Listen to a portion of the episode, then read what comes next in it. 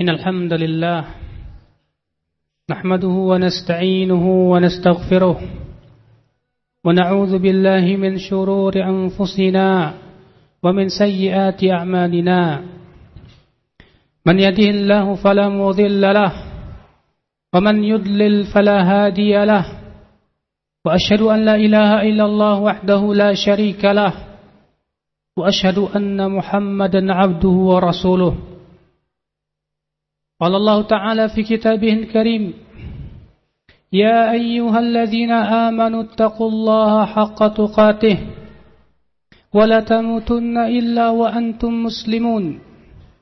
وقال تعالى يا أيها الناس اتقوا ربكم الذي خلقكم من نفس واحدة وخلق منها زوجها وبث منهما رجالا كثيرا ونساء واتقوا الله الذي تساءلون به والأرحم إن الله كان عليكم رقيبا. وقال تعالى يا أيها الذين آمنوا اتقوا الله وقولوا قولا سديدا. يصلح لكم أعمالكم ويغفر لكم ذنوبكم ومن يطع الله ورسوله فقد فاز فوزا عظيما. أما بعد فإن أصدق الحديث كتاب الله. وخر الهدي هدي محمد صلى الله عليه وسلم. وشر الأمور محدثاتها. وكل محدثة بدعة. وكل بدعة ضلالة. وكل ضلالة في النار. أمة الإسلام. Sesungguhnya pergantian tahun tidak ada bedanya dengan pergantian bulan dan pergantian hari demi hari. Ia berjalan menuju waktu yang telah Allah tentukan. Ia berjalan menuju ketentuan Allah Rabbul Izzati wal Jalal. Menuju suatu hari yang Allah tegakkan padanya kiamat. Yang Allah perintahkan Israfil untuk meniupkan sangkakala. Di saat itu manusia akan hancur dan mati semuanya. Kemudian Allah bangkitkan untuk dimintai pertanggungjawaban mereka kelak pada hari kiamat di padang mahsyar. Tidak ada keistimewaan pergantian tahun dengan pergantian abad ataupun yang lainnya. Sesungguhnya ya umat al-Islam, Semakin datang tahun seharusnya mengingatkan kita kepada kematian. Bahwasannya ajal kita semakin dekat. Bila anda ditakdirkan oleh Allah untuk meninggal misalnya pada tahun 2020. Dengan datangnya waktu, semakin berjalannya bulan, demikian pula hari dan tahun. Berarti ajal itu semakin dekat. Tidakkah seorang hamba berfikir bahwasannya apa yang akan dia bawa kelak menuju kematiannya. Apa persiapan yang ia telah siapkan menuju kematiannya? Apakah dengan pergantian tahun dia pun bersorak-sorai, dia pun bergembira, dia pun kemudian menghambur-hamburkan harta dan waktu tak ada manfaatnya, menambah dosa di sisi Allah, menambah hal-hal yang sesuatu yang ia tidak sukai untuk melihatnya kelak setelah ia meninggal dunia umat al-Islam. Sesungguhnya pergantian hari dan waktu adalah merupakan kebesaran dan merupakan tanda akan kebesaran Allah Rabbul Izzati wal Jalalah. Bukankah Allah berfirman, "Inna fi khalqis samawati wal ard wa ikhtilafil laili wan nahar laayatin liulil albab." الذين يذكرون الله قياما وقعودا وعلى جنوبهم ويتفكرون في خلق السماوات والأرض ربنا ما خلقت هذا باطلا سبحانك فقنا عذاب النار Sesungguhnya di dalam penciptaan langit dan bumi pergantian siang dan malam terdapat tanda-tanda kebesaran Allah bagi mereka yang diberikan akal pikiran yaitu mereka yang senantiasa berzikir kepada Allah ketika ia berdiri, ketika ia duduk dan ketika ia berbaring. Lalu ia pun memikirkan tentang penciptaan langit dan bumi. Seraya ia bergumam, Wahai Rob kami, Maha suci engkau. Tidaklah engkau ciptakan semua ini dengan sia-sia. Maha suci engkau ya Allah. Maka peliharalah kami dari adab neraka. Itulah ucapan seorang mukmin ketika ia mengetahui bagaimana kebesaran Allah. Allah menjalankan roda waktu. Kemudian Allah membulak-balikan kehidupan manusia. Hari ini kita tertawa, entah besok kita menangis. Hari ini kita diberikan kemudahan, entah mungkin besok kita akan diberikan kesulitan. Hari ini kita diberikan kekayaan, kesenangan, mungkin besok lusa kita diberikan kemiskinan dan kesulitan. Demikianlah Allah Subhanahu wa taala telah mentakdirkan segala sesuatu. Wa tilkal ayyamu nudawiluha bainan nas. Demikianlah hari-hari kami silih gantikan kepada manusia kata Allah Subhanahu wa taala. Umat al-Islam. Namun mengapa banyak umat Islam yang ikut bergembira ria dengan merayakan malam tahun baru? Apakah dengan merayakannya itu akan memberikan manfaat untuk agamanya? Apakah dengan merayakan itu akan bisa menambahkan keimanannya? Ataukah dengan merayakannya itu dia akan diridhoi oleh Allah Maha Pencipta segala sesuatu? Tidakkah kita berfikir ya umat al-Islam Apakah Rasulullah sallallahu alaihi wasallam panutan kita, orang yang paling kita cintai, pernah merayakan malam tahun baru, pergantian tahun demi tahun? Umat al-Islam. Sesungguhnya dalam merayakan tahun baru banyak mudarat dan bahayanya. Adapun mudaratnya yang pertama, kita termasuk orang-orang yang menyerupai orang-orang kufar. Bukankah Rasulullah sallallahu alaihi wasallam bersabda, "Man tashabbaha biqaumin fahuwa minhum." Barang siapa yang menyerupai suatu kaum, maka ia termasuk golongan mereka kata Rasulullah. Siapa yang menyerupai suatu kaum, maka ia termasuk golongan mereka. Merayakan tahun baru bukanlah kebiasaan kaum muslimin. Ia berasal dari orang-orang kafirin, umat al-Islam. Maka orang-orang muslim tidak boleh menyerupai orang-orang kafir. Hendaklah ia berbangga dengan agamanya. Hendaklah ia bergembira dengan kitab sucinya. Hendaklah ia berbangga bahwasanya Allah turunkan kepada dia Al-Quran, Sunnah, dan agama yang hak yang berasal dari pencipta alam semesta.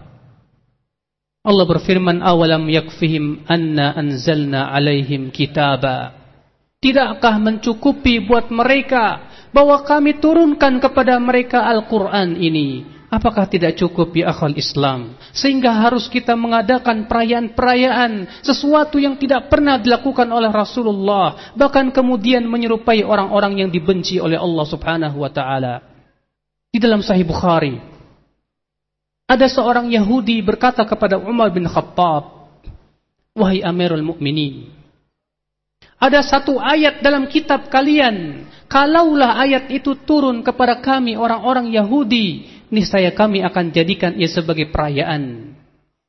Lihat, orang-orang Yahudi mengatakan, kalaulah ayat itu turun kepada kami orang-orang Yahudi, kami akan jadikan sebagai perayaan. Itu menunjukkan ya akhi, kebiasaan menjadikan atau merayakan sesuatu itu bukan dari Islam. Islam hanya mensyariatkan kepada kita dua hari raya, hari Idul Fitr dan Idul Adha. Maka ini bahaya yang pertama, yaitu menyerupai orang-orang kafirin. Yang kedua, kita telah berbuat bid'ah dalam agama. Karena perayaan itu termasuk mensyariatan ya akhi. Ketika Rasulullah masuk atau sampai ke kota Madinah, didapati orang-orang Ansar sedang merayakan dua perayaan mereka. Kemudian Rasulullah bertanya, apa ini? Kata mereka, kami ini adalah hari raya kami, hai Rasulullah. Kami bermain padanya. Maka Rasulullah bersabda, Allah telah menggantikan untuk kalian dengan yang lebih baik dari itu. Yaitu hari raya Idul Fitr dan hari raya Idul Adha. Umat al-Islam.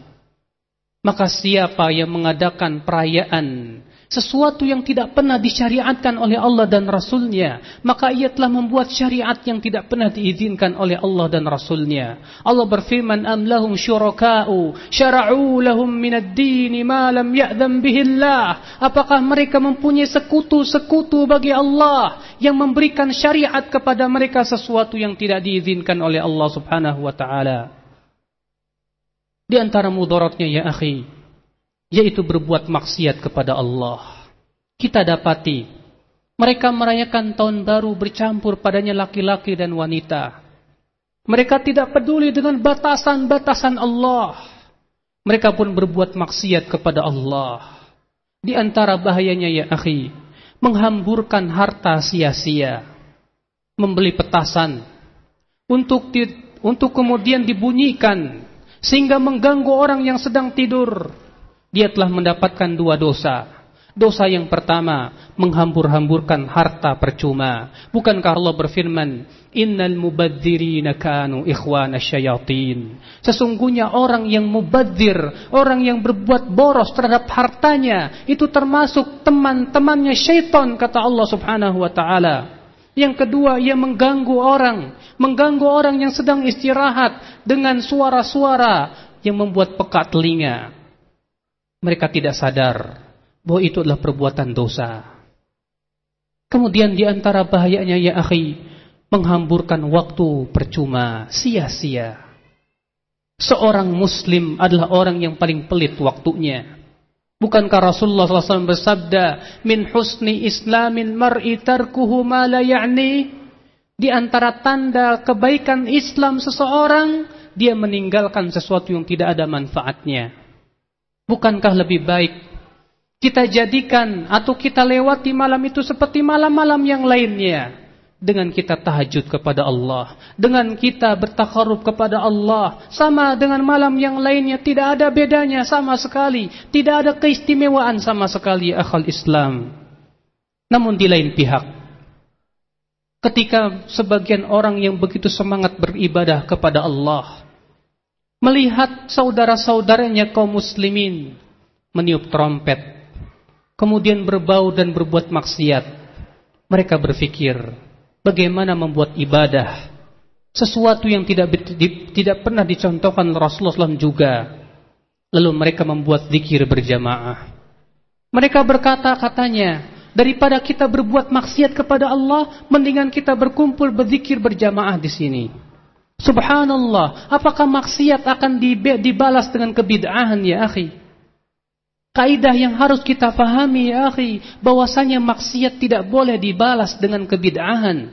Maksiat itu dibalas dengan ketaatan kepada Allah, yaitu dengan cara meyakini bahwasanya malam tahun baru tidak ada keistimewaan sama sekali. Kita lewati sama seperti malam-malam yang lainnya. Kita yakini sama seperti pergantian hari demi hari, bulan demi bulan, tidak ada keistimewaan sama sekali ikhwatal Islam. A'azzani Allah wa iyyakum. Maka dari itulah seorang mukmin hendaklah bertakwa kepada Allah. Seorang mukmin hendaklah senantiasa ittiba sunnah Rasulullah sallallahu alaihi wasallam dan berbangga dan mencukupkan diri dengan agama yang Allah turunkan kepada rasulnya. Aqulu qawli hadza wa astaghfirullah li wa lakum. Alhamdulillah. Wassalatu wassalamu ala Rasulillah. نبينا محمد وآله وصحبه ومن والاه وأشهد أن لا إله إلا الله وحده لا شريك له وأشهد أن محمدا عبده ورسوله أمة الإسلام Di antara bahaya merayakan malam tahun baru, terutama malam tahun baru Masehi, yaitu meridokkan orang-orang Yahudi dan Nasrani. Orang-orang Yahudi dan Nasrani sangat ridho, sangat ingin kaum muslimin mengikuti milah dan tata cara mereka. Bukankah Allah berfirman, "Walan tardo ankal yahudu walan nasara hatta tattabi'a millatahum." Tidak akan pernah orang-orang Yahudi, orang-orang Nasrani ridho kepada kalian sampai kalian mengikuti milah dan tata cara beragama mereka. Allah tidak mengatakan sampai kalian masuk kepada agama mereka. Bahkan kalian mengikuti tata cara mereka saja mereka sudah bergembira. Mereka sudah ridha. Ya subhanallah. Seharusnya kita meridhokan Allah. Bukan meridhokan mereka orang-orang yang dibenci oleh Allah subhanahu wa ta'ala. Di antara kemudorotan ya akhi bahaya. Daripada merayakan tahun baru. Bahwasannya kita telah mengikuti milah atau tata cara beragama selain Islam dan itu bisa menyeret kita sedikit demi sedikit kepada kekufuran. Allah berfirman, "Ya ayyuhalladzina amanu, in tuti'u fariqam minal ladzina utul kitab yaruddukum ba'da imanikum kafirin." Wahai orang-orang yang beriman, jika kalian mentaati sebagian ahli kitab itu, niscaya mereka akan mengembalikan kalian setelah keimanan menuju kekafiran.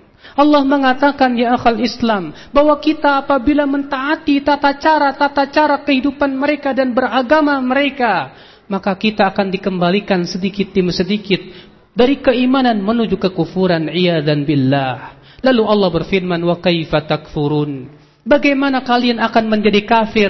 Artinya kekafiran jauh dari kalian. Kapan? Wa antum tutla alaikum ayatullahi wa fikum rasuluh. Sementara kalian dibacakan ayat-ayat Allah dan pada kalian rasulnya. Setelah Rasulullah meninggal ada sunnahnya. Wa man ya'tasim billah faqad hudiya ila siratim mustaqim. Siapa yang berpegang kepada agama Allah, maka ia telah diberikan petunjuk kepada jalan yang lurus. Allah mengatakan bahwa senantiasa seseorang berpegang kepada agamanya, ia tidak akan kafir.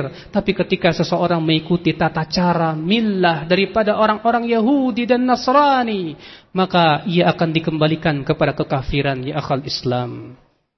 Tidakkah kita melihat banyak sekali mudarat-mudarat yang ada?